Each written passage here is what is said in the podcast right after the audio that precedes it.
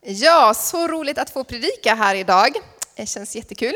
Igår så var jag på bröllop för eh, Callum och Rebecca i församlingen, vilket var helt fantastiskt. Så det var en sån här dag full av kärlek. Och det passar ju bra eftersom att jag idag ska predika då om min älskade. Eh, så, Jesus min älskade. Vi börjar med att be. Herre Jesus, tack Gud för att du ser oss, för att du är här just nu, för att du är med alla online. Eh, och Gud, vi ber om att du nu ska komma och tala till oss genom ditt ord, genom det du har att säga. Eh, hjälp oss att förstå mer av dig, mer av din kärlek. Kom och möt oss helige Ande. I Jesu namn. Amen. För de av er som har lyssnat på församlingens podd Vardagstro, eh, den börjar förresten med nya avsnitt nästa vecka. Mm, bra att ha koll på. För de av er som har lyssnat på den så vet ni att jag älskar romantiska filmer. Det är liksom, jag älskar den här tanken av att någon ska hitta en annan person och de två eh, börjar älska varandra och sen älskar de varandra resten av livet. Och gärna får filmen vara lättsam också. Så eh, romantiska komedier är ju liksom, när man, de här, ni vet de här filmerna där man vet efter de första fem minuterna så vet man hur hela filmen kommer bli. Ni vet dem? De älskar jag. Det känns så tryggt och man vet hur liksom det kommer sluta, man behöver inga obehagliga överraskningar. Det var så, vad skönt. Så, det, det gillar jag. Um, men i alla fall, alla gillar ju inte romantiska komedier. Hur många gillar romantiska komedier här inne? Ja, men ett, ett gäng i alla fall gillar det. Mm, kul. Inte ensam. Men jag fattar varför man kanske inte tycker att det är så jättespännande med, med det. Så. Eh, men jag tror att de allra flesta här inne gillar kärlek, eller hur? Ja, det nickar de flesta. Eh, och eh, jag tror att de flesta av oss gillar den här tanken av att hitta någon som bara ska få vårt hjärta att sjunga, som, som är den där rätte, som är den perfekte, den som kommer att få allt att falla till rätta. Den som man inte kan andas utan och som man känner sig halv om man inte är med den. Ni fattar grejen. Det är ju så här Disney och Hollywood gärna målar upp den sanna, stora sanna kärleken. Den som får en att dansa på moln, den som får hela livet att blomstra och som får hjärtat att bli helt.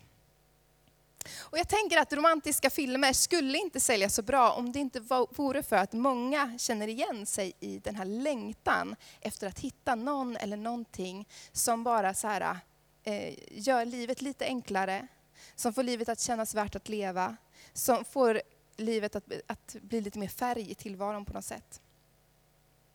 Och jag tror att den längtan finns av en anledning, för att den är ditlagd.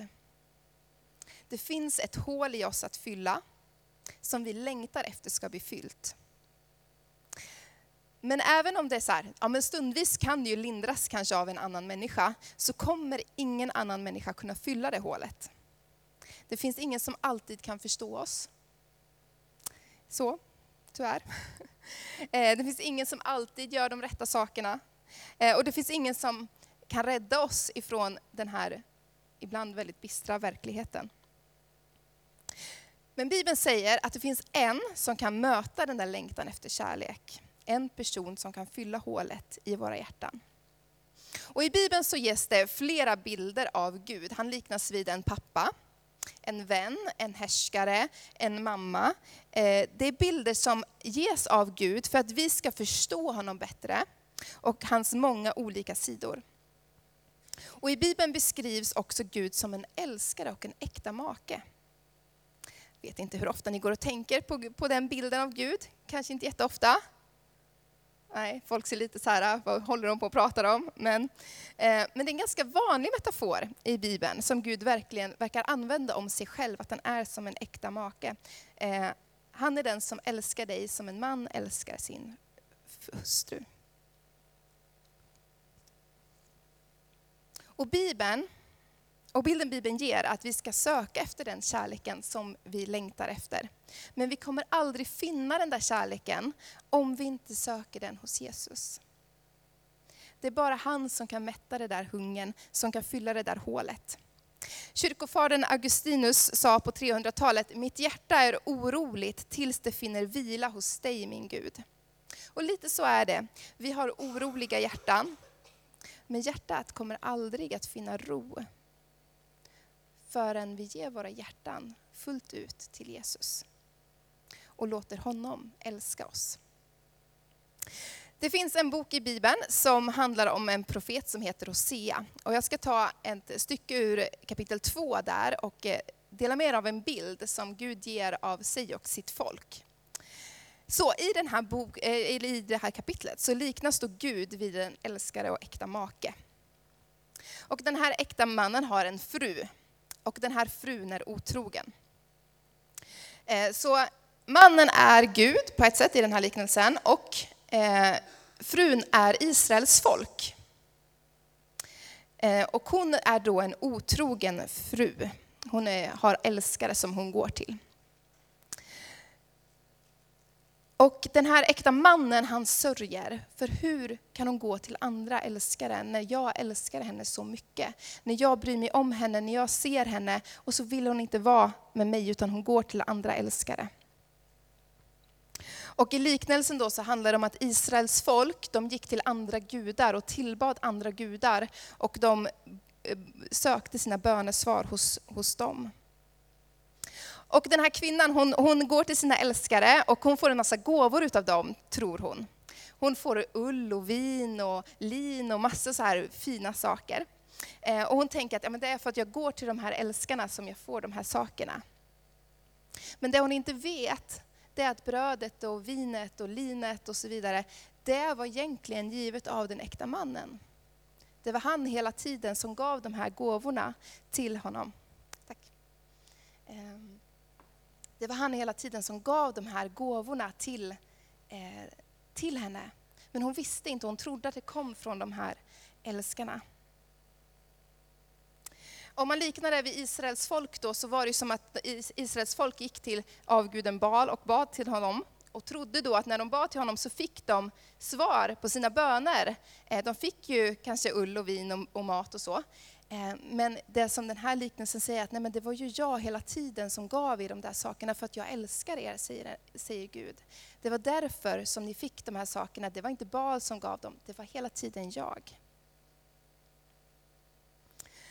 Så, eh, den äkta mannen sörjer över att hans fru inte förstår att det goda är från honom och att han älskar henne.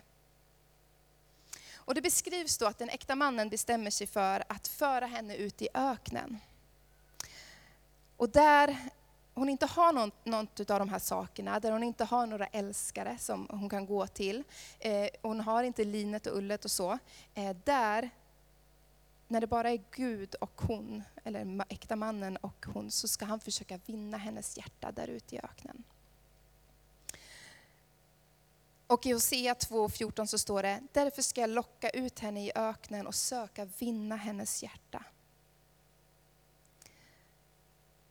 Och där i öknen så lovar han henne eh, att hon ska få allt som hon drömt om. Eh, han lovar henne att han ska på något sätt göra en helt ny värld för henne. Och så säger han i Hosea 2, 19-20, jag ska äkta dig för evigt, jag ska äkta dig i rättfärdighet och rätt, i kärlek och förbarmande, jag ska äkta dig i trofasthet och du ska lära känna Herren. Det är, är historien från Hosea 2. Och den här på ett sätt profetian då uttalas ju, handlar ju om Israels folks historia, om hur Gud sänder Jesus för att upprätta ett nytt förbund och skapa en, en ny värld. Eh, och det är på ett sätt ett löfte om att ja, men det kommer en dag då det kommer ett nytt förbund. Men den här berättelsen visar oss också sanningar om Gud och hans känslor för oss som Guds folk, både som ett kollektiv men också individuellt. Den här profetian visar att Gud är ute efter våra hjärtan och han har alltid varit ute efter våra hjärtan. När Gud beskrivs som en äkta man så är det ju för att vi ska förstå att lite i alla fall av den kärleken som vill ha en för sig själv, som säger att du är min och jag är din. Den kärlek som sätter den andra först, som offrar sig för den andra, som ger sitt liv för den andra. Den formen av kärlek, att vi ska förstå den lite grann. Och som sagt, i den här berättelsen så förstår ju inte eh, den här kvinnan då, hon förstår inte att det goda som hon får kommer ifrån Gud, utan hon tror att det är älskarna. Hon förstår inte att Gud älskar henne.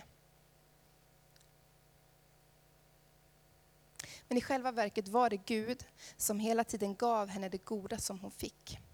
Och hur ofta är det som vi glömmer bort eller tror att vi får en massa gott från något annat än Gud? Hur ofta är det vi sätter vår tillit till älskarna istället för Gud? Hur ofta är det vi tänker att vår egen prestation, vårt jobb, vår utbildning, att det är det som ska rädda oss. Det är det som ska ge oss trygghet. Hur ofta tänker vi att det är våra pengar som är frälsningen? När det egentligen bara är Gud som har gett oss goda gåvor. När allt det där egentligen bara kommer från honom. Hur ofta glömmer vi att alla goda gåvor ytterst sett är från Gud? Och så inser mannen att eh, han aldrig kommer att kunna fånga hennes hjärta eh, om han inte tar med henne ut i öknen. Så att hon får stå där utan någon annan trygghet än honom.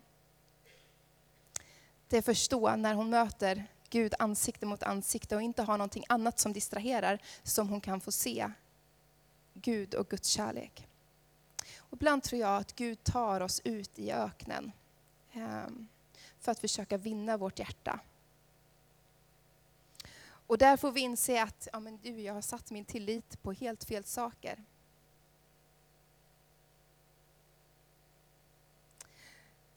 Jag har satt min tillit på saker som inte går att bygga sitt liv på. För när det kommer till kritan så är ju mitt jobb inte, ingen trygghet. Jag kan bli sparkad imorgon, även om jag hoppas att jag inte blir det. Så, så. Eh, ja, men den man älskar kan, eh, kan eh, lämna en. Eh, eh, ens förmåga kan börja ta slut. Eh, ens anseende kan bli skadat och så vidare. Det finns ingenting som, som är helt tryggt förutom Gud själv.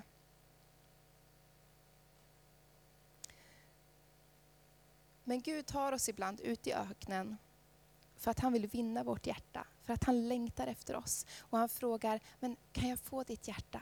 Jag har alltid älskat dig. Det är jag som har gett dig allt det goda som du har fått. Vill du komma till mig? Vill du ge ditt hjärta till mig? Och det står ju att Gud faktiskt vill vinna hennes hjärta. Alltså Gud vill uppvakta oss. Precis som en man uppvaktar en fru så vill han också få uppvakta oss. Och verkligen så här bara ge av sin kärlek till oss. Ni, jag, jag vet inte om ni har sett förälskade par ibland. Så, de, de fnissar och, och ler mycket. Och så här, ja. Eh, men de är oftast väldigt kärleksfulla, speciellt när de är helt nyförälskade. Liksom. Och tänk er liksom att Gud är lite sådär att han bara så, åh jag vill bara så här, åh, få ge er så mycket kärlek och jag vill bara liksom få uppvakta dig för att du är min älskare, du är den jag älskar eh, mer än något annat. Jag tror han längtar efter att möta den där djupa längtan av att få bli sedd och älskad. Och därför så tänker jag att den här djupa längtan är ju helt naturlig. Det är ju någonting sunt att vi längtar efter att bli älskade. För den har Gud lagt ner i oss. Han har skapat oss för att vi ska vara fullkomligt älskade. Det är han som är svaret på den längtan. Men Guds kärlek är inte som Hollywoodfilmerna eller Disneyfilmerna. Eh, så. Eh, den lever inte på känslor och känslostormar som de ofta gör, utan Guds kärlek är trofast, den är uthållig och den visar sig i handling. Ingen kärlek är så stabil som Guds kärlek, ingen kärlek är så uthållig som Guds kärlek. Men Gud lovar oss inte en dans på rosor det är kanske en skillnad från Disneyfilmerna och Hollywoodfilmerna. Att det, ni vet att de brukar avsluta med och så levde de lyckliga alla sina dagar. Känner ni igen den linen? Så. Eh, och det är såklart att Gud har goda planer för oss. Men det Gud säger är snarare, vad du än möter i livet, vad som än kommer emot dig, så kommer jag stå vid din sida och jag kommer föra dig igenom det. Och jag kommer att, att älska dig igenom vad du än möter.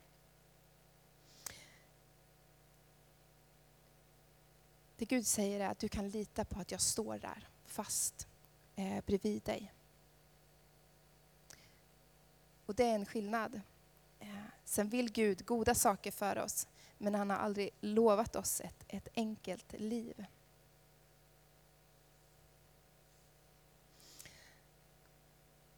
Men ibland så har vi bilden av att ja, Gud älskar oss, eller hur? Gud älskar oss, vi vet det. Men han vill ju att vi ska göra en massa saker för honom också. Så här, vi ska tjäna honom, vara Guds tjänare och så vidare. Eh, så, och att det är något också ett, lite tungt, liksom, att så här, ja, men jag måste göra massa saker för Gud. Men den här bilden av Gud som en äkta man, den visar på någonting helt annat. Den visar snarare på motsatsen. Jag gifte mig inte med Simon för att eh, vi skulle betala räkningar tillsammans. Det är inte så kul liksom. Så, eller för att vi skulle köpa ett hus, eller för att jag skulle få laga mat med någon, eller för att jag skulle ha någon att uppfostra mitt barn med. Utan eh, jag gifte mig med Simon för att jag tyckte att han var den bästa man jag hade mött. Eh, och för att jag ville vara med honom. Eh, och sen kommer det en massa uppgifter och uppdrag och saker vi får göra tillsammans. Men det är inte det som relationen utgår från. Det är inte det som är början på relationen. Början är att jag, jag vill ha honom och han vill ha mig. Och så är det med Gud också. Han säger, jag vill ha dig, jag vill ha dig, jag älskar dig. Och han gör det inte för att han har någon baktanke om att du ska göra en massa saker för honom, utan, utan han vill ha dig så som du är. För att han tycker att du är så där fantastiskt underbar. Så underbar att han till och med valde att dö för din skull, för att du skulle kunna leva med honom i evighet. Så mycket älskar han dig, att han vill ha dig för evigt. Du är så älskad, önskad, sedd och utvald. För den du är. I första Johannesbrevet 4 och 19 så står det, vi älskar därför att han först älskade oss. Vi älskar därför att han först älskade oss. Han älskar oss, det är där allting ska börja. För kanske tio år sedan så hade jag en period då jag hade varit med om mycket besvikelser i livet och eh, jag kände mig ganska sliten och sårad. Eh, och så insåg jag att jag behöver få uppleva Guds kärlek, jag behöver få känna Guds kärlek. Och jag måste få veta att han älskar mig. Eh, och det blev en sån här desperat längtan i mig, att jag behöver få veta att Gud älskar mig. Eh, och varje morgon så då så satte jag mig tillsammans med Gud och så frågade jag Gud, hur mycket älskar du mig Gud? För jag behövde bara få veta det, hur mycket älskar du mig? Och faktiskt varje morgon under den perioden så mötte Gud mig och sa olika saker om hur mycket han älskade mig. Det kom genom bilder eller genom tankar eller genom andra människors ord. Men väldigt ofta så visade han mig bara korset. Eh. Och så sa han att jag älskade dig så mycket att jag gick in i döden för din skull. Och jag besegrade döden för att jag skulle få vara med dig i evighet. Och det, där, det var där liksom så återkommande, sen sa han andra saker också vissa dagar, men återkommande så fick jag bara se korset framför mig. Och ju äldre jag blir på något sätt så är det som att jag ser Guds godhet mer och mer eh, i mitt liv och att jag ser hur mycket han älskar mig. Han, han, älskar mig genom andra människor som kommer in i mitt liv och, och ger goda gåvor eller säger goda saker. Eh, han älskar mig genom att öppna dörrar för mig när jag drömmer tillsammans med honom. Men också för att han ibland stänger dörrar eh, och för att han ehm, faktiskt ibland säger nej, inte dit, för att skydda mig. Men sen har jag också insett så här, lite i efterhand, eh, att han älskade mig så mycket att han ibland lät mig göra mina misstag. Eh, för att jag skulle växa eh, och bli visare och klokare. Eh, och att ibland så låter han oss göra det, men att han är med i det som vi gör. Och jag fick lära mig saker eh, och han har älskat mig genom det. Livet är inte utan sorger, men Gud är med och han har älskat mig och han har älskat dig genom det. Gud älskar dig och jag tänkte att vi ska ta en stund eh, av stillhet. Så Johan kan få komma upp och spela lite. Och så kommer vi göra så att vi bara ska få fråga Gud den här frågan. Hur mycket älskar du mig Gud? Eh, och eh, bara liksom få lyssna in vad Gud säger. Och känner du så här, oh jag får ingenting, ja men då kan du bara se korset framför dig och, och eh, liksom låta det här, det du vet om Guds kärlek, bara få prägla ditt hjärta och få påminna dig och låta det tala in i, i ditt hjärta. Um, och så ska vi ta en stund att bara liksom låta Gud få tala till oss. uh, för han vill tala personligen till oss. Uh, yes. Herre Jesus, vi vill eh, rikta våra hjärtan till dig. Du ser om vi är, är trötta, eller om vi är glada, eller om vi bara känner så mycket sorg och så mycket hopplöshet, eller om, om vart vi är någonstans i våra liv. Eh, men nu vill vi bara få lyfta vår blick till dig. Vi ber om att du ska både få ge oss hopp, Eh, men jag ber om att du också ska tala till oss om hur mycket du älskar oss, hur mycket du bryr dig om oss, hur mycket du ser oss. Jag ber om att varje person här inne, att du ska eh, visa dem eh, din kärlek. Och varje person online, Gud att du ska visa din kärlek. Kom och tala Jesus, kom helige Ande och berör våra hjärtan och visa oss din kärlek. I Jesu namn.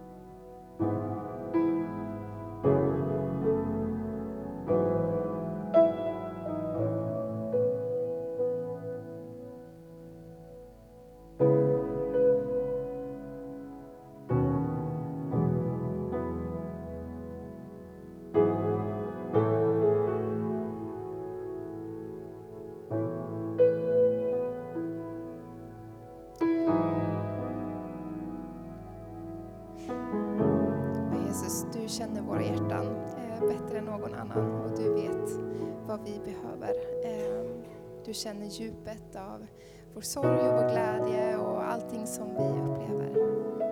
Gud, tack för att du talar till ditt folk och tack för att du älskar oss. Och att oavsett vad vi känner eller ser eller inte så har du bevisat din kärlek genom din död på korset. Tack för att vi alltid får se på korset och minnas att du älskar oss.